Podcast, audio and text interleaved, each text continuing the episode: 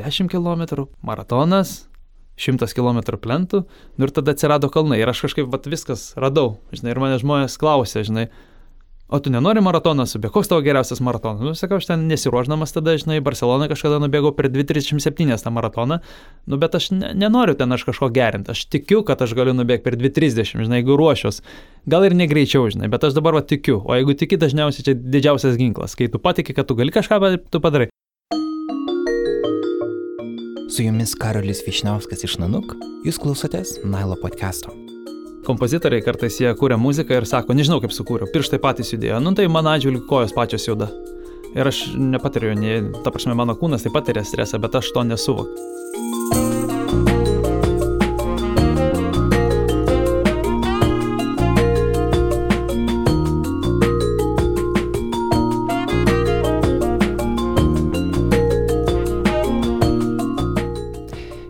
Šiandienos epizode girdėsite pokalbį su žmogumi, kuriam bėgimas atvėrė naują pasaulį ir padėjo įveikti postrauminio streso sindromą. Jo vardas yra Gediminas Glinius. Gruodį Hongkonge Gediminas kalnais nubėgo 162 km, jis tai padarė greičiau negu beveik 300 kitų pasaulio bėgikų. Gediminą kalbina Gintarė Kulytė.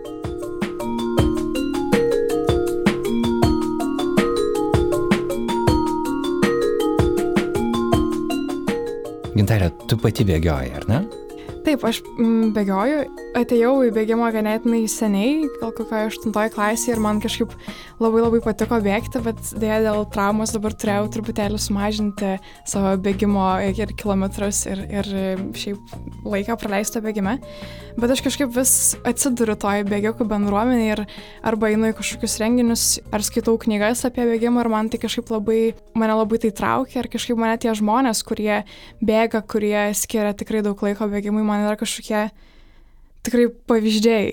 Ir Gedeminas Glinius, bėgikų bendruomenė Lietuvoje yra, įsivaizduoju, aš pats be bėgioju labai lietai, tai visiškai iš kito pasaulio esu, bet uh, įsivaizduoju, kad Gedeminas yra labai aukštai, nes jis daro įspūdingus dalykus.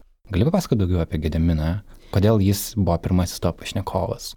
Jo, tai Gediminas, manau, yra visų pirma, jis yra tiesiog e, bėgime labai daug ką pasiekęs, jis yra Jam tiesiog labai gerai sekėsi bėgti tiek plentu, jam puikiai sekėsi, tai ir papasakos interviu. Ir um, dabar tai, ką jisai daro, tai yra bekelės bėgime. Jis taip pat labai užima tikrai aukštas vietas prestižiniuose pasaulio bėgimuose. Bekelės bėgimas, gal galim pradėti nuo to, tai yra bėgimas, kurio Daugiausia 20 procentų tos trasos, kuri dažniausiai yra tikrai žymiai ilgesnė negu maratonas, tai yra virš 100 km ir daugiau. Daugiausia 20 procentų tos trasos gali sudaryti asfaltas, visa kita trasa yra kalnai, tai yra kažkokie, nebūtinai kalnai, galbūt kažkokie vat, bekelė, o ten, kur, kur tiesiog dažniausiai galbūt žmonės tikrai nebėgtų. Ir e, toj trasoje dažniausiai būna labai dideli pakilimai, labai labai daug vertikalių kilometrų. Tik, ir tu taip bėgi 100 km. Ir daugiau. Tai yra tikrai labai sudėtingos varžybos, žymiai sudėtingiau negu bėgimas plentu ir aš, aš pati esu išbandžius, aišku, mažesnių lygio. Truputėlį aš tiesiog miške bėgant jau iš karto jaučiasi, kaip yra sudėtingiau, tai galima įsivaizduoti, kaip tai yra kalnuose ir tiesiog tikroji bekeliai. Ir Gediminas Glinius 16 metais laimėjo pasaulio čempionatą trailo, bekelės, Taip. bėgimo. Taip, būtent. Tai yra be abejo labai sunkus turnyras ir jį laimėti tikrai reikia didžiulių pastangų ir aš labai kažkaip manau, tai yra labai nuostabu, kad lietuviai tai pavyko ir kad jis yra tiesiog pirmas pasaulyje šitose varžybose. Ką norėjai susitikus su juo išsiaiškinti? Galbūt tau kaip bėgikiai norėsi kažkokius klausimus užduoti, kurie irgi yra įdomus, bet interviu, pavyzdžiui, man jis irgi buvo įdomus perklausyti, nors aš pats nebėgioju, nes Gedeminas jisai bėgimą mato daug daugiau negu tiesiog sportą. Jam tai yra kaip ir gyvenimo filosofija, jam tai yra kažkoks e, psichologinės ramybės šaltinis. Labai jo įdomu klausytis. Tai visų pirma, šiaip, kodėl aš norėjau pakviesti būtent Gedimą, tai ne tik dėl jų, jo tų titulų, jo, jo pasiekimų, bet ir dėl to, kad jis ne tik bėga, bet jis gali apie tai kalbėti ir kalbėti ne tik bėgikų bendruomeniai, kuris galbūt dabar jis yra galbūt daugiausiai žinomas bėgikų bendruomeniai, bet man labai norėjosi, kad jis papasakotų apie tą bėgimą ir tiem žmonėm, kurie galbūt nebėgioja. Kaip ir šiais podcastais mes siekiam geriau suprasti modernų pasaulį, pasaulį, kuriame mes gyvename, tai aš manau, kad bėgimas yra tikrai didelė to šio laikinio pasaulio dalis ir aš kažkaip e, džiaugiuosi, kad per šitą interviu pavyko galbūt gal net labiau džiaugiuosi, kad pavyko taip specifiškai pakalbėti apie bėgimą, nes galbūt net tiems žmonėms, kurie anksčiau nesidomėję bėgimu, būtų labai sveika sužinoti, kas, kas yra tas bėgimas, kokios yra tos varžybos, kaip žmonės jaučiasi bėgdami tokius didžiulius atstumus. Tai manau, kad man pavyko galų gale pasiekti tikslą, galbūt ne tokį, kokį aš tikėjausi iki galo, bet, bet truputėlį kitokį, kitaip pasiekti, bet vis tiek, manau, bus įdomu klausyti. Tikiuosi. Tikrai bus, man buvo įdomu, tikiuosi bus ir klausytojams. Ačiū tau labai uh, ir tikiuosi tai ne paskutinis kartas. Gediminas Grinis, Gintarė Kulytė, interviu, Nailo podcastai, klausom. Tai sveiki, Gediminai. Labas. Labai džiaugiuosi, kad radot laiko ateiti ir pasikalbėti. Galbūt pradėkim nuo pačių pradžių. Jūs e, atradau, kaip apie jūs sužinojau, ruoškis bėgti konferencijoje prieš porą metų ir tuomet apskritai sužinojau, ką jūs veikiate ir labai susižavėjau tuo. O šiais metais, klausydama jūsų pranešimo toj pačioj ruoškis bėgti konferencijai, nusprendžiau jūs čia ir pasikviesti. Per savo pranešimą toje konferencijoje jūs sakėt, kad gana neseniai jūs e, atsisakėt savo kariškio profesijos ir nusprendėt visą laiką skirti tik bėgimui. E, bet visas, visa jūsų istorija su bėgimu būtent prasideda nuo su kariškio profesija susijusių patirčių. Tai galbūt galėtumėt papasakoti, kaip viskas prasidėjo? Niekada nebuvau aš bėgikas, bet 2007 metais aš buvau paskirtas į misiją Irake ir vis tiek susiduriu su tam tikrais nemaloniais reiškiniais ten. E, ir norėdamas atsipalaiduoti, aš pradėjau tenai truputį bėgioti, ne, kad susitvarkyti su to patiriamu stresu. Ne. Ir tas stresas gana įvairus, ne. tai nereiškia, kad miršta žmonės, žūsta žmonės, nors to irgi pasitaikė, bet ir tas pats darbo krūvis, ne. yra tam tikras stresas, uždara aplinka. Tai va, aš pradėjau po truputį bėgioti. Bet grįžęs jau į Lietuvą, aš pamačiau, kad su manim darosi kažkas labai keisto, ko nebuvo iki to. Ne? Tai aš ten pakeldavau ir balsą ant vaikų, ant ginterės, ne, savo žmonos supratau, kad man reikia pagalbos, bet aš būdamas toks jaunas vyras kažkaip man nesinorėjo kreiptis į specialistus ir pripažinti, kad aš turiu tokią problemą. Nu, žinai, kaip ir daugelio tie, kas turi visokias priklausomybės, ne, jie bijo prisipažinti dažniausiai, ne, ir čia būna problema. Ir aš pradėjau to sprendimo pats ieškoti. Ne. Ir geriausias daktaras šis laikais, kai aš visada sakau, yra Google. Ne. Tai aš paguglinau, pažiūrėjau, kas čia man gali darytis. Ir aš tokia turėjau savo diagnozę, žinai, kad man yra potrauminis streso sindromas. Ir aš tada pažiūrėjau, žinai, ką darė karo veteranai e, po kitų įvykių, ne, kaip Amerikos e, karo veteranai veteranai po Vietnamo ir aš radau, kad fizinis krūvis, aktyvi veikla padeda susidoroti su tuo. Na nu, ir va taip aš po truputį, po truputį įsitraukiu į bėgimą vis labiau ir labiau, nes aš pamačiau, kad aš e, grįžtų labiau palsėjęs, atsipalaidavęs, ar darausi ramesnis namie. Ir šeima irgi matė, kad e, man tas padeda ir jie palaikė. Na nu, ir aš ten aišku pradėjau bėgti toliau, ilgiau ir kada tie sindromai mano visiškai išnyko, to streso jau tokio kaip ir nebebuvo, tai aš tada užsibrėžiau savo kitus tikslus bėgime. Kaip tada atsirado būtent bekelės, tas vadinamas trail bėgimas angliškai, nes aš suprantu, kodėl, kodėl bėgimas gelbsti, bet kodėl būtent toks sunkesnis bėgimas. Žinai, iš tikrųjų dabar aš tada tuo e, nesusimaščiau, bet yra dabar, žinai, įrodyta, kad čia dar apie bėgimą, čia truputį kodėl padeda jisai doro, susidoroti su to stresu, kad mes kažkokią ugdydami ar tiksliau siekdami kažkokių tai naujų įgūdžių, mes e, savo smegenėse pakeičiam tam tikrus procesus, ne? Ir angliškai toks yra terminas neuroplasticity, aš nežinau, tikriausiai čia būtų neuroplastiniai e, junginiai, sąsajos, mes sukūrėme naujus tos neuro, neuroplastinės sąsajas, tos linkus ir tai mums pradeda susidoroti su kažkuriom kitom problemom. Ne? Ir toksai aš čia ryškus pavyzdys, kažkada čia neseniai perskaičiau apie tokią moterį, kur turėjo, jinai turėjo šautinę žaizdą galvoje ir jį prarado gebėjimą kalbėti. Tai va toks buvo irgi naujas iššūkis, kad ji negalėjo kalbėti, bet jai rekomendavo išmokti dainuoti, nes smegenų kitas pusrutulis atsakingas už tai ir sukūrė tos naujus neuroplastinius ryšius ir dainuodama galėjo išsakyti, ką ji nori. Ne? Tai ir mano va, to, to potrauminis stresas, potrauminis stresas realiai yra kažkokia tai smegenų trauma. Ne? Ir norėdama ją išgydyti, aš dariau, mokiausi kažkokiu tai naujų įgūdžių, ne, ir mano atveju tai buvo bėgimas, ne, ir iš pradžių normalus bėgimas, plentų, paskui atsirado, vas, kaip tu sakai, tas sunkesnis trailas, ir tai irgi yra naujų veiksmų mokymasis, ne, tavo smegenys turi naujai suprasti aplinką, tavo smegenys turi išmokti apeiti tas visas kliūtis, kur susidari kalnuose, ne, tai ir visokioje, ne tik, kad miško takeliai, ne, akmenuoti takeliai, kartais iš vis bekelė, kartais bėgiai vien tik per akmenis, tai va. Tai tie visi nauji reiškiniai, kurie susidaro smegenyse ir padeda mums su to darotis. Tai va, bet tas bekelės, pats bėgimas atsirado labai keistai mano gyvenime, ne? nes aš priklausau tokiam šviesos karių klubui, bėgimo klubas Lietuvoje. Ir aš bėgau ilgus jau nuotolius ir kažkada toks Aidas Adžiauskas iš šviesos karius man pasiūlė sudalyvauti pasaulio treilo čempionate. Ir tuo metu niekas nežinojo, kas tas pasaulio trailo čempionatas, kas tas trailas iš vis yra, ne, dabar mes turim tą įsireiškimą bekelę, tada net nebuvo tokio kaip bekelė, buvo trailas. Ir aš ten truputį paguglinęs, tai supratau, kad jisai šiaip yra bėgimas kalnuose. Bet aš net įsivaizdavau, kad jis gali būti bėgamas kalnų takeliais, akmenim, ar sakysim jau geriausios sąlygos tai yra mūsų vadinamas žvirkelis. Ir aš jam ruošiausi Vokietijai, aš buvau kalnuotoje vietoviai, Garmiš Paternich ir Oberemergau. Ir aš bėgiau visą laiką palei upelį, nes aš pažiūrėjau, kad čia yra 900 metrų sukilimo. Ir aš galvoju, nu, tai va čia yra kalnai jau, nes mes jau yra aukščiau, aukščiau virš jūros lygio, toks ir bus bėgimas. Ir įsivaizduok mano, mano šoką, kai mes pradedam bėgti naktį ir aš neturiu jokios lempos.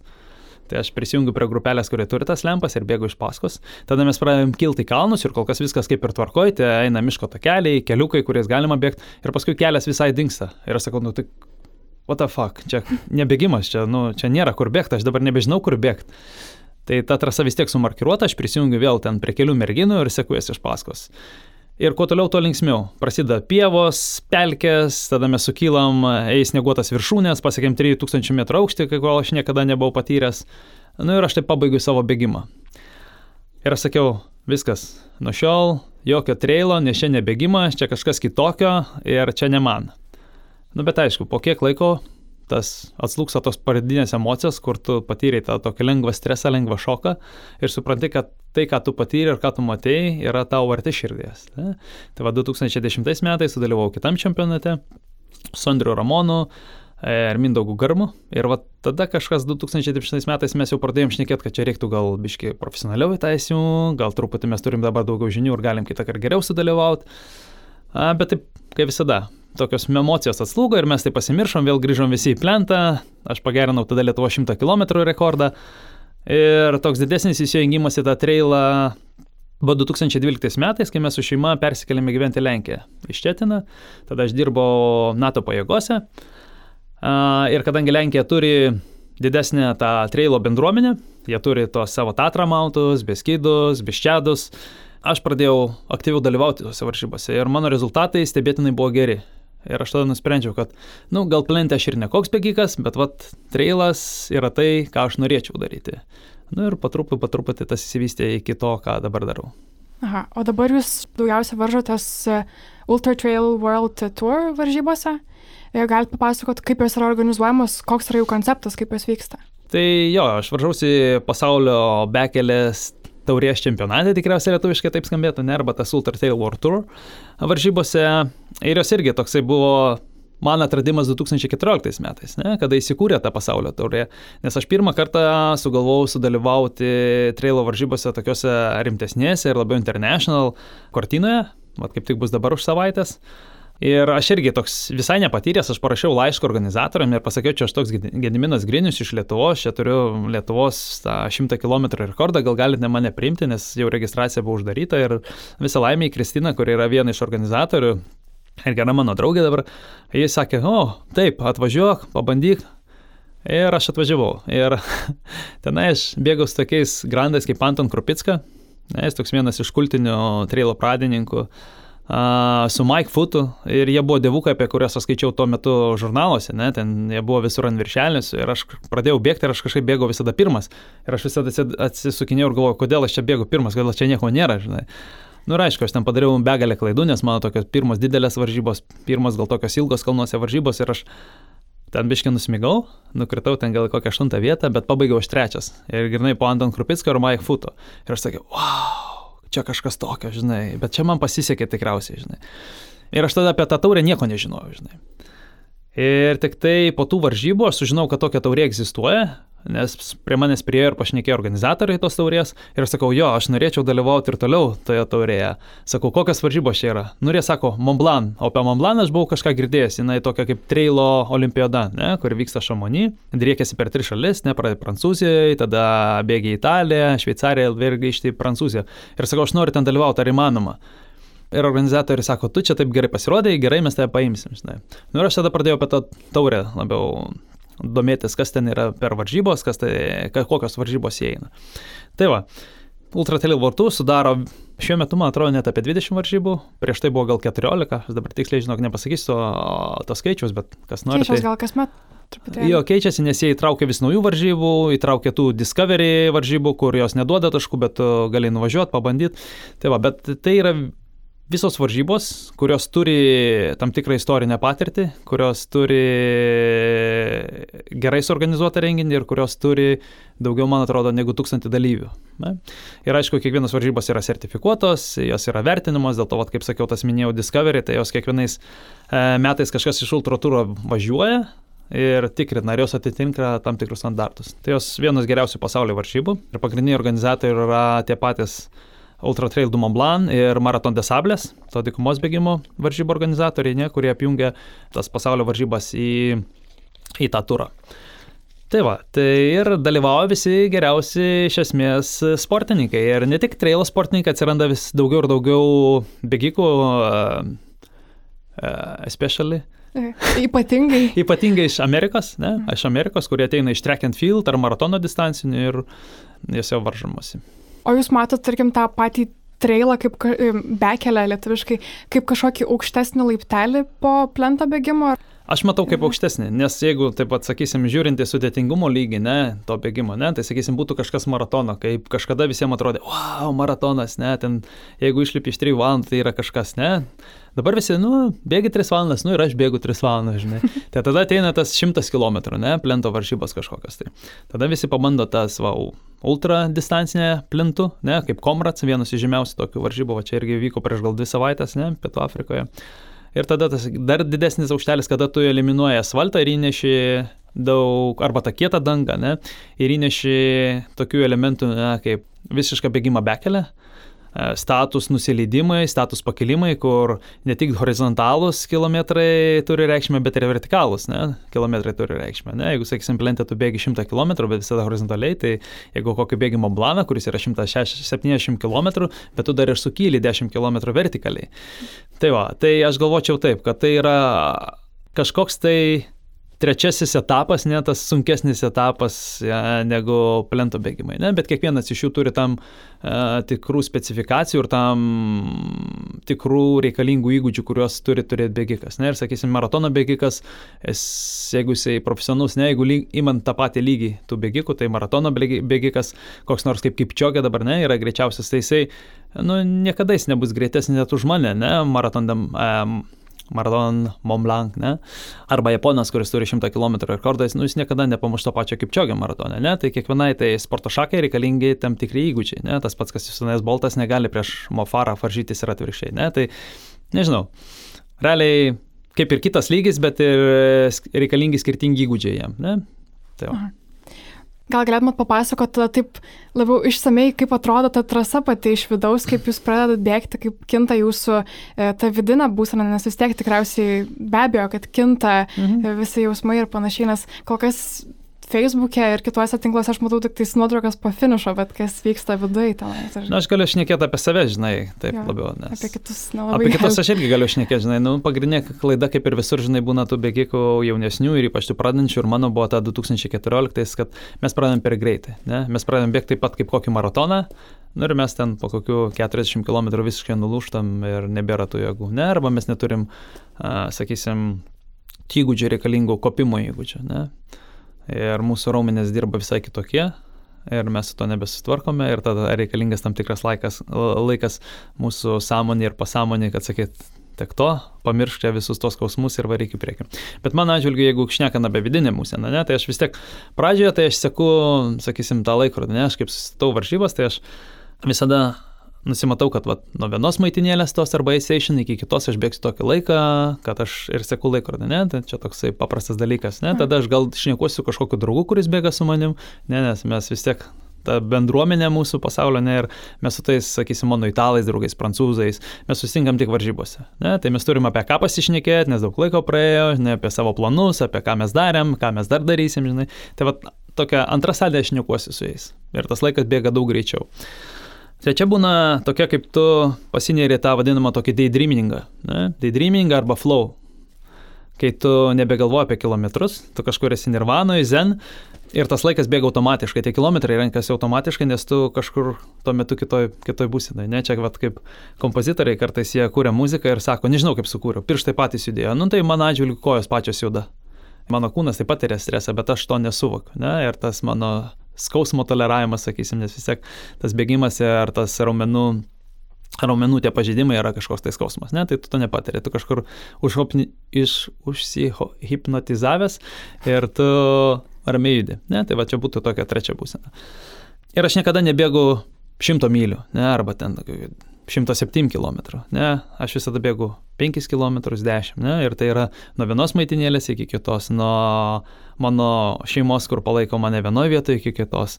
Tada irgi sąmonė ir mūsų, sakysim, tai smegeninė yra daug lengviau priimti tą atstumą, ne, suvokti, kad, kad, nu, tu dabar čia nedarai kažkokio crazy finko, ne, tu čia bėgi 10 km, ką tu darai per treniruotės visada, ne, tai aš tą atstumą visada suskaidau.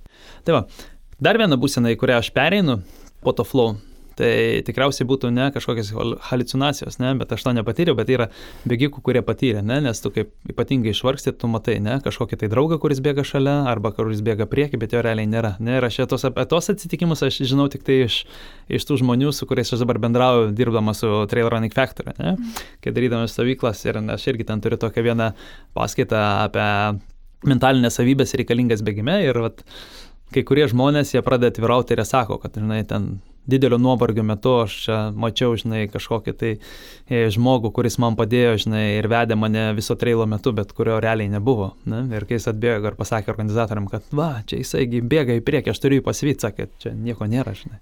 Tai va, tai aš galvoju irgi, jeigu aš labai ypatingai pavargčiau ar bėgčiau kažkokią didesnę sumą, man, nu, tikriausiai būtų ta, ta pati būsena. Ne, čia kaip alpinizme, sako, kad stresiniai situacijoje, ne, ir kai yra gyvybei pavojus, ne, tie dažniausiai alpinistai arba tie mountering, ne, jie mato kažkokį antrą tu, kuris, kuris padeda tau, ne, kuris tave gaidina iš tos e, e, sudėtingos situacijos. Ne, ir tokių atsitikimų yra ne vienas ir ne du. Ne, ir čia aš įsivaizduoju, kad mūsų smegenis bando padėti mums sukurdamas tam, tam, tam, tam tikrą vaizdinį. Ne. Tai aš tos būsenos nepatyriau, bet va, to jį tokia yra. Ne. E, ir vieną dar pamiršau, kad kartais aš naudoju tą personifikaciją, ne, kad aš persikūniu į kažkokį tai kitą asmenį, kitą kažkokį tai gyvūną, ne, bent jau aš taip bandau save įtikinti, ne. Ir, pavyzdžiui, Western State ten buvo bėgimas ir jisai yra originaliai yra tevis taurė, ne, vadinama, ir bėgama iš skvoveliai į Auburną. Ne, ir dabar irgi kaip tik šį savaitgalį vyksios.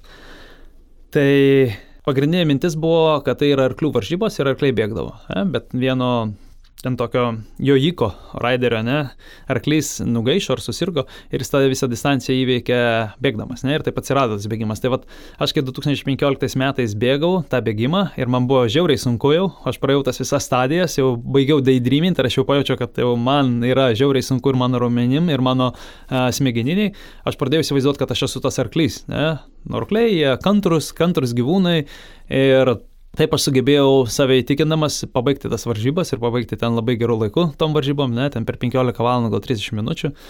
Ir ten, nežinau, vienas iš mano laikų yra vienas iš geresnių, ne, tos trasos įveikimo laikų. Tai va.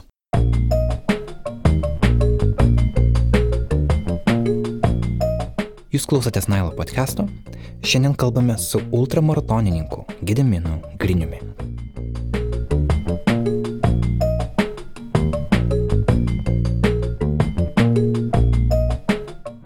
Šiais metais ir praėjusiu metu pabaigoje jūs pradėjot bėgti maraton desablės, tai buvo jūsų pirmas kartas, aš, aš teisingai supratau. Jo, maraton desablės dabar jie turi kelis tokius etapus, ne. Pirmą kartą aš išbandžiau tai Peru, nes yra maraton desablės Peru, gruodžio mėnesį. Čia buvo jūsų, vat, praeitais metais buvo pirmas kartas. Jo, praeitais metais buvo mano pirmas kartas, grinai prieš Dakar, e, ne, Data, ne Dakaro, dabar buvo ir Peru, ir buvo kaip tai tos Kurvanagas važiavo varžybos, ne, kaip Aha. tik prieš tas varžybas mes turėjom tas pešiųjų varžybos, ne, ir aš kaip visada irgi sakau, lyginu jas, ne, jie važiuoja su mašinom, viską ten vežasi, ten viską sunku, žinai. Bet didelis tas palaikymas, o mes bėgom irgi penkias tas dienas, viską nešėmės patys, niekas mums nieko nenešė ir ten, aišku, įveikė mažesnį atstumą, nes mūsų greičiai lėtesni, bet mes vat, save galim sulyginti su mašinom, ne, ir kartais aš irgi, vat, kaip čia grįžtant prie tų arklių, tai įsivaizdavau, kad aš, nu, vat, Paryž Dakar, žinai, tas ralis tenai, ne tik Peru. Tai va, tai jo, buvo mano pirmas toks išbandymas, nes aš visada toks žmogus, kuris aš ieškau naujų iššūkių. Ne, aš kažką kartoju iš praeitų metų, kažkurias varžybas aš pasikartoju, bet aš noriu pabandyti kažką naujo, nes tų varžybų yra begalės, ne, tų pasaulio kampelių tokių gražių, ne, nes vat, vienas iš tikslų, kodėl tu bėgi, ne, irgi yra kuo daugiau pamatyti, ne, kuo daugiau patirti, kuo daugiau naujų emocijų gauti. Tai va, tai tas Peru buvo mano toks naujas išbandymas, naujas ampluo ir visai man pasisekė, aš sakyčiau, ten, ne, ir ten jos varžybos jos truputį kitokios, nes ten yra tos daugiadienės varžybos, tu bėgi kiekvieną dieną nuo 30 iki 80 km. O bendrai tai, sudėjus gaunasi kiek kilometrų vis, 250 standartas, ne, toksai yra visų šitų varžybų daugiadienių trailo bėgimo, ne. Tai jo, tai apie 250 km tu nubėgi, bet bėgi kiekvieną dieną, bėgi dykumą, kur temperatūra kartais būna ir virš 40 laipsnių dehidratuoji labai daug, nes vanduo yra ribotas, visą maistą, kurį naudoji tas penkias dienas, turi neštis pats, niekas tau neneša. Tai ten tų kalorijų būna nuo 2000 iki 3000, priklausomai kas pasiema kiek. Mano kuprinė tuo metu, vis, nes aš buvau visai be jokios patirties, vėl 12 kg, kaip tie, kur jau ne pirmą kartą dalyvavo, jie sumažino tai iki 6 kg, nu tai tie 6 kg labai jautėsi.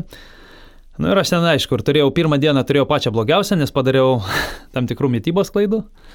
Bet tos varžybos jo pasibėgė gan neblogai, aš ten užėmiau tą šeštą vietą ir buvau labai patenkintas. Ir dėl to šiais metais jau, balandžio mėnesį, aš dalyvau Maraton Desablės Maroke, kuris yra, sakysim, tėvas arba mama tų kitų varžybų, ne, nes tai tos pagrindinės varžybos, kurios pirmą kartą atrado Patrick Bauer, vienas iš organizatorių, jos ten šventė 38 ar 39, aš dabar neatsimenu gimtadienį jau.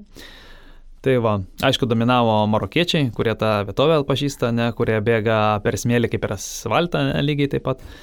Na nu, ir aš aišku pasimokiau iš mano perų klaidų, man tas smėlis jau nebuvo kažkokia naujiena, karštis, aš kažkaip tai visai gerai susidoroju su tą karščiu ir šiais metais turiu tokią tendenciją, kur be keliaučiau visur temperatūra nukrenta 10 laipsnių. Tai net e, Maroke temperatūra buvo 10 laipsnių žemesnė lyginant su kitais sezonais. O ne? kokia buvo temperatūra? Aš dabar net nepasakysiu, žinau, kad 10 laipsnių mažesnė, bet nebuvo per karščiausia, ten buvo 3-5 gal daugiausiai dieną, ten ant saulės gal yra aišku ir kemžinai, bet aš ten labai nesiekiau tos temperatūros, nes man tas karštis didelės įtakos neturi. Ir aš turiu tokią savybę, kad kai kiti suferina labai, tai man yra labai gerai, žinai, nes mano ta fiziologija nėra tokia labai jau stipri, žinai, mano tas VO2 max arba lactate threshold, jie yra žemi, žinai. O kas o... yra VO2 max, gal galite duoti kontekstą klausytojams, nes mm. gal ne visiems aišku. Nu, VO2 max, tai vad klausytam, jeigu jie nėra bėgikai ir nėra mokslininkai, tai paprastai aiškinant būtų, kad tai yra jūsų variklis, ne, kokį variklį jūs turit, ne, 4 cilindrų, 6 cilindrų ar 12 cilindrų, ne, tai mano, sakysim, yra 4 litrų cilindrai, 4 litrų Variklis. cilindrų variklis. tai, va. tai va, čia tai būtų labai populiariai paaiškinta, ne, bet dažniausiai tas reiškia daug, bet aš kaip visada sakau, gerai sutūnintas 4 litrų cilindrų variklis gali aplenkti ne 12 cilindrų variklį. Ne? Tai va, tai tas čia vadu max toksai, ne, būtų labai populiariai paaiškintas. Mhm. O taip, tai žinai, kiek tu degonies įkvepi per savo kilogramą ir kaip tu efektyviai tai pasisavini, ne? Tai va. Tai jūsų tas, tas rodiklis nėra ganėtinai aukštas ir jūs, jums e, gerai pasirodyti varžybos apskritai duoda, e, leidžia e, kitos kažkokios savybės, kaip sakėt, labai daug duoda psichologinis pasiruošimas ir tas skausmo toleravimas, kuris pas jūs yra gana didelis. Čia, žinai, niekad labai sunku ištirti, kam tas skausmo toleravimas, nes jo, aš, aš taip save analizuodamas, aš taip galvoju, kad man tas skausmo tolerancijos lengsnis yra daug didesnis negu kitų žmonių. Ne, ir tai Realiai daugelis elitinių bėgikų tą turi. Ne, ir tai yra kartais rizikinga, kartais gerai. Ir žinai, tas skausmas yra vėlgi dviejopas. Žinai. Aš niekada nesakau, kad tu turi kentėti, jeigu turi kažkokią traumą, ne, iškentėti traumą. Ne, jeigu ten turi stresinį kaulo lūžį, tai aišku, tu geriau nebėg, nors tu gal ir gali iškentėti, ne, nes gali tas privesti prie tragiškų pasiekmių, kaip čia va, vieno mano kolegos švedo John Lance, jisai bėgo su manimi Gran Canarijoje, na, jis turėjo stresinį lūžį, bet bėgo, jis galėjo toleruoti, jam skaudėjo, bet jis galėjo toleruoti ir bėgo iki to, kol tas lūžis pasidarė atviras. Nu, tai va, narašyti ant radau ant to kelio, iškviečiau met pagalba, tai aš visada duodu tą pavyzdį, kad, nu, jūs nekentėkite taip, nes tas, va, pain e, tolerance ne, arba skausmo toleravimas, tai jis turi būti, tu turi toleruoti tą, sakysim, kaip čia lietuviškai būtų, tą cardiovascular. Bet dažnai čia toks labai specifinis terminas, tai galim palikti ir angliškai. jo, tai va, tai tu turi turėti e, toleruoti realiai tą išsiekimo savo lygį, ne, ne kažkokią traumą, ne, tą kardiovaskulinės e, savo sistemos tą iššūkį, ne, bet nebėgti su, su trauma ir iškentėti traumą, ne, kaip daugelis galvoja, kad va čia yra tas pain tolerance ir va čia kaip tu turi būti kietas, ne, tai to neturi daryti, nes, nu, tik pažeisi save ir paskui kokius 2-3 metus gydysies, ne, rimčiau daug. Tai taip, tu turi toleruoti to savo mažuosius muscle breakdown, nes visada tas raumenų pažeidimai nėra skausmingi. Tu turi toleruotas kardiovaskulinės sistemos ne iššūkius, nes dažniausiai ne, padidėjus padidėjus e, širdies susitraukimam, ne, padidėjus e, pastango, pap, tam effortui, ne, sakysim, kada tu minėjai tą kalną, tai aišku, susikaupia ir tas laktatas, ne, nu, ir jis nėra malonus, ne, ir tu, kada tavo tas greitis kaip ir natūraliai turėtų kristi, nes smegenis tave riboja, ne, sako, tu čia jau nebe, nebe, nebe, nebe pažydinėk savęs, ne, tu nebe žalok savęs, Ir aišku, tada įsijungia tas mažasis blogasis žmogus tavyje vidur ir sako, tu gal sustok ir iš vis nebebėg, žinai. Na nu ir va, čia tas skausmo tolerancija yra ir toks mentalinis dalykas, ne, kada tu tą mažą žmogų ir piktą žmogų turi nuraminti, patilėkti, o tu patilėk, aš bėgsiu, man reikia ir turi save įtikinti, ne, kad tau to reikia. Ne, ir dėl to irgi tas emocinis prieraišumas varžybom yra labai svarbus, ne? nes jeigu tau jos nesvarbios, tu bėgi tik dėl to, kad bėgt, tai tu niekada nenubėgsi, ne? tu turi rasti kažkokį tai didesnį tikslą, ne? kodėl tu bėgi. O tada gal galim daugiau pakalbėti apskritai apie šitų varžybų ir tokių tolimų distancijų, kaip ir žalos sveikatai, nes galbūt dauguma žmonių mm. e, sakytų, ir apskritai aš labai dažnai susidūriau su tuo, kad e, vien tiesiog apie bėgimą žmonės sako, kad na, tai yra labiau galbūt žalojimas savęs ir kuo toliau tu bėgi, tuo labiau atsiranda ta didesnė žalos sveikatai. Tai e, kaip jūs galbūt su ją dorojatės, jeigu ją patirėt ir kas ją atsveria? Aš nežinau, jeigu tu viską protingai susidėliosi, tu pasikonsultuosi su savo treneriais, ne, su fiziologais, nu tai to žalos nepadarysi savo, ne, jeigu tu, žinai, visą gyvenimą nieko nedarė, žinai, turintis viršsvorį atsistos ir pradėsi bėgioti po šimtą kilometrų, tai tu susižalosi, žinai, bet aš taip sakau, kad jeigu viską darant palaipsniui, žinai, nuosekliai ir su gerom konsultacijom, tai niekada tu tavęs nesužalosi. Nu ir yra tokių pavyzdžių kaip Petras Silkin, ne, kuris bėgiojo ten daugybę metų ir nubėgęs jis daugiau kilometrų negu aš. Ir dar vis bėgais ten maratoną po maratono, ne. Tai aš nemanau, kad, nu, kažką tu savo gali pasidaryti. Žmonės, aišku, ir manęs klausia, o kaip tavo scenariai, nu nieko nėra mano tiem scenariam, viskas ten gerai, žinai. Ir jeigu kas man ir patikrina, o tau turėtų nugarą skaudėti, nu neskauda man tos nugaros, nieko man neskauda, žinai. Aš jeigu ten įsisuku netyčia bėgdamas, nu da, aišku, tos traumos neišvengiamas, kartais tu eidamas ir gedimo prospektų takoja pasukai ir įsisukai, ne, ir tokių žmonių yra daugiau. Tai kalnuose aišku to pasitaiko. Aš irgi ten kartais užlipu ne taip kaip reikia ant akmens šoku, ne kažkur pavargęs ir pasisuku tą čiurną. Nu, bet labai retai tas pasitaiko, ne? Tai tokios vat, mikrotraumas aišku būna, bet aš matau daugiau naudos, žinai, nes jeigu tu nesportuoji, nu, tai tavo svoris auga, ne, ir svoris e, įtakoja to sanarius, sakysim, arba tą tavo širdį daug daugiau negu bėgimas. Tai va iš tų, sakysim, gerai, jeigu lygint kaip bėgimą kaip blogybę ir ansvorio turėjimą kaip blogybę, tai aš renkuosi tą mažesnę blogybę. Žinai, ir jeigu man tas patinka, tai man jis duoda tokią psichologinę labiau palaimą, ne, aš atsipalaiduoju, man kaip meditacija gaunasi, ne. Tai va. Mhm. Gana dažnai minėjot savo Trail Running Factory kaip mhm. jūsų kaip mokyklėlę, galiu taip vadinti, ar Galit. bendruomenę labiau.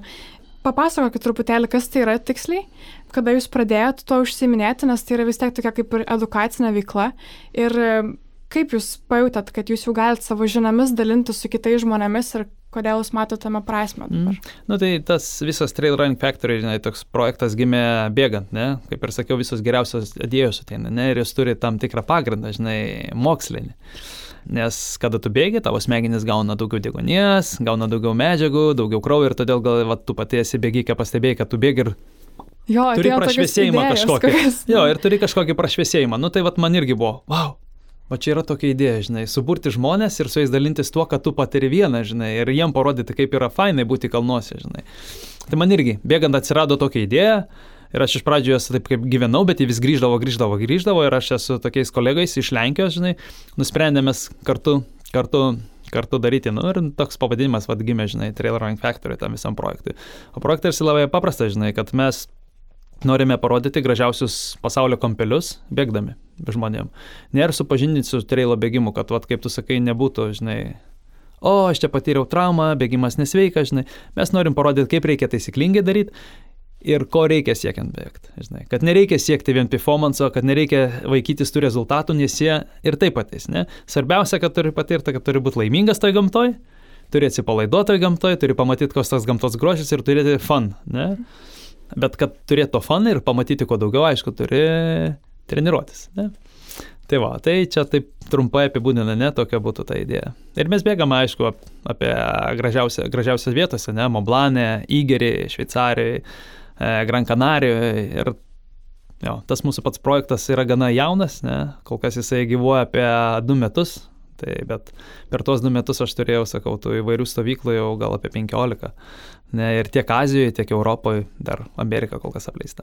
Ir aš pastebėjau, kad vis išperka tas vietas stovyklose, kad žmonių daug tikrai yra susidomėjimas, atrodo, tuo, tuo bėgimu, tai galbūt galėtume papasakot, kuo kitus žmonės traukia tas bėgimas, kodėl jie tame mato prasme, ar tai yra kažkoks vat, noras pamatyti tą gamtą, galbūt gražią kaip ir pakeliauti, nes tikrai gražiose vietose būna, ar būna kažkas daugiau truputėlį.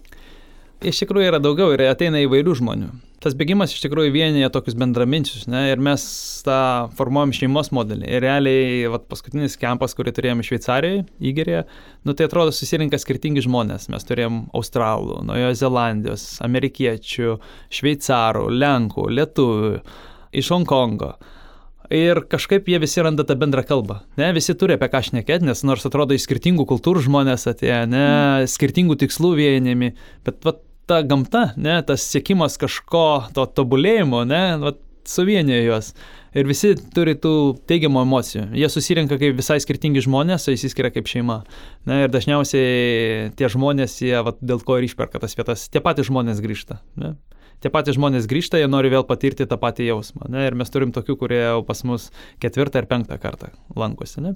Ir Lietuvoje čia turėjome du kempus, ne? pernai turėjome Pecel, šiemet Džilbo. Ir tie žmonės, kurie dalyvauja, klausia vis, kada, dar, darom, darom daugiau, žinai, bet, nu, vat, nėra laiko, kada daugiau padaryti. Tai nori žmonės, jie nori to. Ir jie renkasi jo, iš pradžio susirinka dėl skirtingų priežasčių. Ne, vieni nori pasisemtos patirties, kurią aš turiu, ne, surinkęs iš tų, sakysim, varžybų, sužinoti, kiti nori apie treniravimąsi, kiti nori šiaip gamtoj prasibėgti, kiti nemėgsta bėgti vieni, jam reikia motivacijos, kad bėgti su grupe, nes irgi ir psichologiškai įrodyta, kad tas corporative effort, ne, arba tas bendruomenės, bendruomenės pastangos yra daug lengvesnės, negu tu tą patį bandai pasiekti vienas.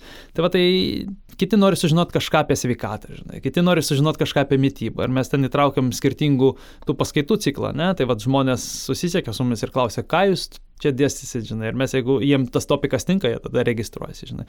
Ir jo, ir dažniausiai tų kaip ir vietų ir nelieka. Ir, žinai, tai va.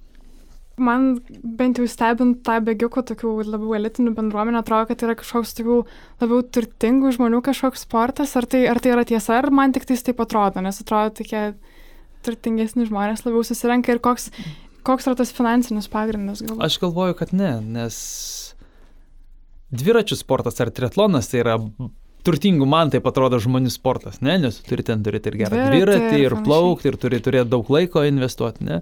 Bet o trailas tai dvasiškai turtingesnių žmonių sportas, ne, nes jie susirinka dėl kitokių priežasčių, nes tokia mes turėjom dabar irgi įgerę, aš vis atsimenu. Jill, ne, jinai yra ta visual impaired, ne, ji turėjo irgi smegenų traumą, ir ji dalinai nemato, ne? dalinai nemato. Ir į va, tą įsigelbėjimą, žinai, ten buvo visokių minčių apie savižudybę ir taip toliau. Įsigelbėjimą rado treilę, žinai, bėgime.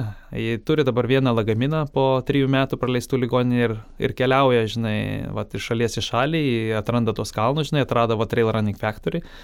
Nu, tai aš nežinau, ar čia grinai vien turtingų, žinai. Jeigu pažiūrinti tos, kas varžybose dalyvauja žmonės, Nu tai yra visokių, nu, aišku. Yra ir ten nuo super rich ir yra tie, kur, nu, ten neišgali nusipirkėdų, ne savo. Tai, ar, va, tai Aš nežinau, nu, labai sunku Labai būtų. skirtingi. Labai skirtingų ir ta prasme, iš kurio šalies lyginsi, žinai. Nu, mum gal ir brangu lietuviam, ne, nes mes gal čia daug neuždirbam, ne, tas mūsų pragyvenimo lygis yra žemesnis negu Šveicarijoje, bet Šveicarijoje, žinai, tas vidutinis jis gali sauliais daugiau negu Lietuvoje, tas, sakysim, pasiturinčios klasės atstovas. Tai va. Tai aš nežinau, žinai, sakau, va, tada turėtum konkrečiau paklaus manęs, ar pas lietuvius čia, žinai, ar pas šveicarus, ar pas amerikiečius, bet ne, aš nemanau, kad čia yra turtingųjų sportas, ne, nes turtingieji renkasi ten jachtas, mašinas, dar kažką, kur reikia tų daugiau investicijų, ne, tam sportui, o bėgime užtenka bėgimo batelio, jeigu tu labai nori. O ar dar vis yra taip, kad šitose būtent ultra trailo varžybose nėra piniginių prizų? Mhm. laimint vietas, tai yra irgi kažkoks labai įdomus aspektas šitų varžybų. Kai kur yra, kai kur atsiranda, net toj pačioj Lenkijoje, aš įsivaizduoju, ten toj Krinisoje yra didžiausias piniginis fondas, nesakysim, tų, tų bėgimų. Kitos varžybos bando kažką introducint, va čia met Montblanas lyg tai įsteigė pirmą kartą tuos piniginius prizus, bet, nu, iš to negali dar tikrai gyventi, nes ir buvo dabar aš apklausą, gavau irgi iš Ultrateiro vartūro, ar čia būtų verta įsteigti, daugiau, žinai, mokėti atletam, ar tie prizai padėtų. A, bet kol kas tikrai čia ne Tour de France ir tu nepragyvensi iš to, ne? Visi tie elitiniai sportininkai, tai daugiau jie pragyvena iš remėjų, ne, iš savo sponsorių, negu kad, sakysim, iš tų piniginių prizų, piniginių prizų, kurios e, suteikia varžybos. varžybos. Bet galbūt tai yra gerai, kad, kad nėra tų piniginių prizų daugumoje atveju, nes tai kažkaip su, sutelkia tokią labiau idėjiškai suvienetą bendruomenę žmonių, kurie bėga. Mm. Jeigu, jeigu atsirastų piniginiai prizai, galbūt būtų truputėlį kitaip, ar ne? Ne, bet tų elitinių, kad ir, nu, ta prasme, aš tai norėčiau, kad atsirastų, ne? nes aš galvoju, tie sportininkai vis tiek kaip ir sportininkai, ne, jie nesiskiria nuo dviratininkų, tai kodėl ne, žinai. Jie tada galėtų tikriausiai daugiau dėmesio skirtam sportui, ne? Ir aišku, yra tų dviejopų, žinai, ar čia išlaikyti jį reikia tokį idėjinį, ar labiau jį daryti į profesionalų sportą, bet jis vis tiek nori, nenori, jis profesionalėja. Ne? Tai aš visai būčiau už kad tie prizai būtų ir aš nemanau, kad ten kažkas tai pasikeistų, žinai, ten žmonių sąmonėje, žinai. Žmonės čitina vien, žinai, jeigu šnekant apie dopingą, nes mm. ne, čia aš matau, kad tai ten linksta, ne, kad jau pasidarytų labiau sportas, atsirastų daugiau kas naudoja dopingą, žinai, kad pagerintos rezultatus performanso, bet tai net tokių žmonių buvo net prieš, žinai, įvedant, ne, nes čia prieš porą metų ar prieš tris dabar pagavo, man atrodo, argentinietį, ne, kuris irgi atėjęs iš dviračių sporto ir UTMBs ten vartoja eritropoetiną. Ir čia aš irgi neseniai skaičiau tokią įdomią apklausą, kad žmonės, nu, jie vien tik norėdami būti tris dienas, žinai, šlovė ir paskui mirti jie pasirašytų, žinai, ten koks 7 procentų žmonių jie sakytų, gerai, aš tris dienas būsiu žymus, paskui numirsiu, viskas tvarkoju su to, žinai. Tai čia, nu, ne, ne pinigose esmė, aš manau. Bet sportininkam, aš galvoju, kad tai padėtų, nes tikrai, va, kaip tu sakai, kad yra daug turtingų, tai žinau, kaip tik daug neturtingų, žinai, ir gerų sportininkų, žinai, kuriem ta finansinė parama arba už tai, už tas, sakysim, tas toksai uždarbis dėl to, kiek jie laiko ir kiek tos aistros paukoja, būtų visai adekvatus. Dar norėjau uh, užkabinti temą apskritai sporto ir bėgimo kaip tokios kaip ir mados, nes, nu, akivaizdu, kad tai tapo, tapo prieš gana jau daug metų, bet tai yra tokia kaip ir mada, toks kažkoks pakilimas jaučiasi. Tai kaip jūs žiūrit į tai, kad, kad tai yra tarsi madingas dalykas ir pats tas bėgimas? Vėlgi tie masiniai bėgimo renginiai yra jų ganėtinai daug. Tai kaip jūs į tai žiūrit, ko- kokios yra galbūt kokie pavojai, kokie yra... O, aš tai, lab, aš tai labai pozityviai žiūriu. Aišku, tas atsirado, aš galvoju, kad ne tai, kad madinga, bet žmonės gali skirti to laiko dabar savo, žinai. Ir tai yra gerai, žinai, nes sportas, nu vis tiek jis yra sveikata tiek kūnui, tiek smegeniniai, ne? Iš principo, žinai, kodėl mes anksčiau nesportuodavom, arba mažiau žmonių sportuodavo, nes jie neturėdavo laiko, ne, jie ten bulvių tam laukia, arė, žinai, kiekvieną dieną turi štai, dabar viskas daug paprasčiau, žinai, mes Gal tada ir nereikėdavo to fizinio krūvio, nes jisai būdavo teisingai, kažkur. teisingai nereikėdavo fizinio krūvio, nes mes gaudom ir taip, ne? o dabar vis tiek žmogus pagal visą evoliuciją jis turi judėti, ne? jis turi nujudėti ne mažiau kaip 10 my- mylių, čia 16 km per dieną, ne? nes jis tą darydavo, žinai, jos smegenim reikia, žinai, ir aš, kaip sakau, kai mes žiūrim į žmogų, tai realiai tai yra smegenis, ne, nu mes tave įsivaizduojam tokį, kokį mes esam, gražus ten vienaip ar kitaip atrodom, bet mes realiai esam smegenis, nes mūsų smegenis tai yra unikalios, nes jos realiai reikalauja 3 procentų e, dienos kalorijų, ne, 5 procentų degonės mes suvartoja ir jos valdo absoliučiai visus organizme vykstančius reiškinius, absoliučiai visus sprendimus, kuriuos priimam. Net mes, ką mes šnekam dabar, ne, nu tai realiai kontroliuoja mūsų smegenis, ne. Mhm. O kad jos gerai veiktų, tai vienas iš veiksnių yra judėjimas. Ten yra dar keletas, ne, bet čia neminėsime, bet vienas iš jų yra judėjimas. Tai žmonės natūraliai jo ieško. Ne? Tie, kas supranta ir supranta to naudą, atsiminė, aš nekėjom apie prašviesėjimą, nu, tai natūraliai to ieškai. Ir jeigu turi tą laiką, nu, tai tą laiką norisi išnaudoti efektyviai. Tie masiniai renginiai, tie bėgimai, ne, kurie žmonės ruošiasi, tas kažkoks tikslas, žinai, nubėgti maratoną, tai viskas yra labai teisingai. Aš manau, kad tas tik tai prives visus prie gero, ne? nes mes kuo daugiau turėsim tų prašviesėjimų, tuo mes geresni žmonės busim. Bet aš visgi pati bėgiodama pastebėjau, besidomėdama, kokie yra skaičiai be bėgančių žmonių, tai maždaug nuo 2016 metų tas skaičius tose masiniuose bėgimuose pradėjo truputėlį kristi. Tai pavyzdžiui, Nike We Run um, bėgime, kuris pavasarį būna 16 metais, buvo gal 10 tūkstančių žmonių užsiregistravusių maždaug. Šiais metais buvo beveik 6, gal trupučiuką daugiau negu 6.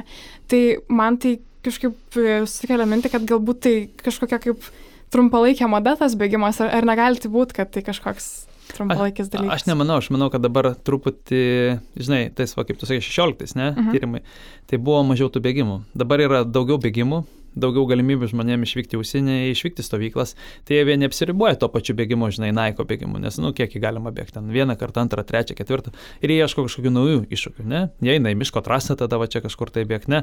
Randa tą trailo bėgimą, nes jau maratonas dan, ne? Pusė maratono dan, nu, tai reikia kažko daugiau.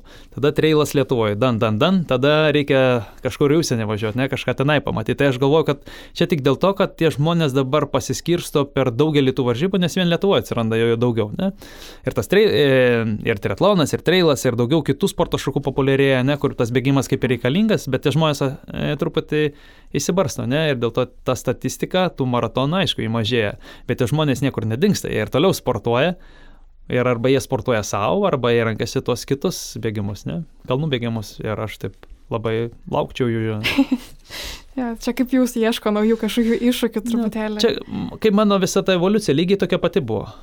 10 km, pusę, maratonas, 100 km plentų, nu ir tada atsirado kalnai. Ir aš kažkaip vat, viskas radau, žinai, ir mane žmonės klausė, žinai, o tu nenori maratoną subėgti, koks tavo geriausias maratonas? Nu, sakau, aš ten nesiruoždamas tada, žinai, Barceloną kažkada nubėgau per 2.37 tą maratoną, nu, bet aš ne, nenoriu ten aš kažko gerinti, aš tikiu, kad aš galiu nubėgti per 2.30, žinai, jeigu ruošiuos, gal ir negreičiau, žinai, bet aš dabar va tikiu, o jeigu tiki, dažniausiai čia didžiausias ginklas, kai tu patikė, kad tu gali kažką, tu padarai, bet nu, manęs neveža. Ir aš turiu tiek trailo varžybų, yra tiek kalnų pasaulyje, kad Vat reikia man rinktis maratoną, tą nuobodą ant plento, ar rinktis kalnus ir bėgimą ten. Nu, ir aš visada pasirinksiu kalnus. Tai va, tai ir viskam laiko, kaip, žinai, nėra. Pati žinai, kad nėra. Aha.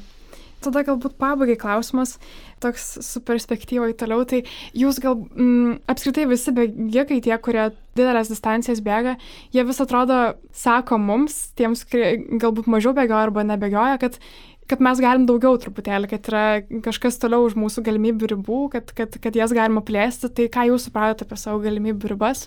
Oi. E, bėgdamas. Oi, čia, žinau, galimybių ribos tai yra didelė, žinai, tik tai neaišku, kiek to laiko reikia, žinai.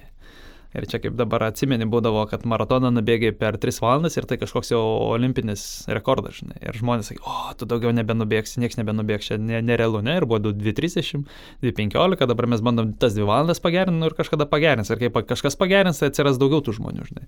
Bet čia aš irgi skaičiau vieną Treed, žinai. Ir ten rašė, kad ne, mes turim tas fiziologinės galimybės. Taip, mes gal šiuo metu turim. Bet po šimto metų po tūkstančio metų neaišku, kaip žmogus evoliucionuos, ne? Ir mes pagerinsim ir tą, tas dvi valandas ir tikriausiai valandą penkiasdešimt kažkada. Žinai, tai aš galvoju, kad mes tų ribų nepasiekėm. Ir vat mūsų smegenis, vėl aš grįžtu prie smegenų, nes man didelis akcentas yra smegenis, ne? Nes viską, ką mes darom, net ir pat šnekant šitą bėgimą, tai yra smegenis. Yra tyrimų daug padaryta, kad realiai, nu, mes nepasiekėm tų ribų. Žinai, yra toks Tim Nauk, žinai, profesorius. Jisai sako, kad uh, smegenys mūsų stabdo, kai mūsų kūnas, uh, tiksliau mūsų smegenys suvokia, kad mes esame uh, kažkokiam pavojuje. Bet yra dabar toksai profesorius iš Australijos, kuris padarė tyrimų ir, sakysim, bėg ant tą kelio, ne, maksimaliai kiek tu gali ir jau kai nebegali, kai jau tave tos smegenys stabdo, tu spaus tą raudoną mygtuką, kad sustotų. Ir sus, sus, suspaudus tą mygtuką, jie paėmė ten kraujo tyrimus, matavo spaudimą širdį, nu, nepasikeiti tos ribos, kada yra kažkoks pavojus tavo gyvybei. Mm. Tai mūsų smegenys pasilieka tą labai didelį gepą, žinai, tą iki tų mentalinių, fizinių ribų. Ne? Mat, ką tu čia klausiai, Nu ir vat mūsų darbas, kaip, kaip sakysim, tų trenerių, arba tų žmonių, kurie promautina, tai aišku, visada tu nori iš savo tų atletų arba tų bėgikų uh, išspausti e, tą, kad tos, sakysim, e, tavo ribos kuo arčiau priartėtų prie, to, prie tų ribų, bet, nu, jų niekada nepasieksi. Mhm. Gerai, tai tiek tada galbūt ties to ir užbaigiam. Tai ačiū Jums labai dar kartelį, kad atėjot, buvo labai malonu pašnekėti. Ačiū, kad išklausėt. Ir sėkmės kitose bėgimuose. Tau taip pat.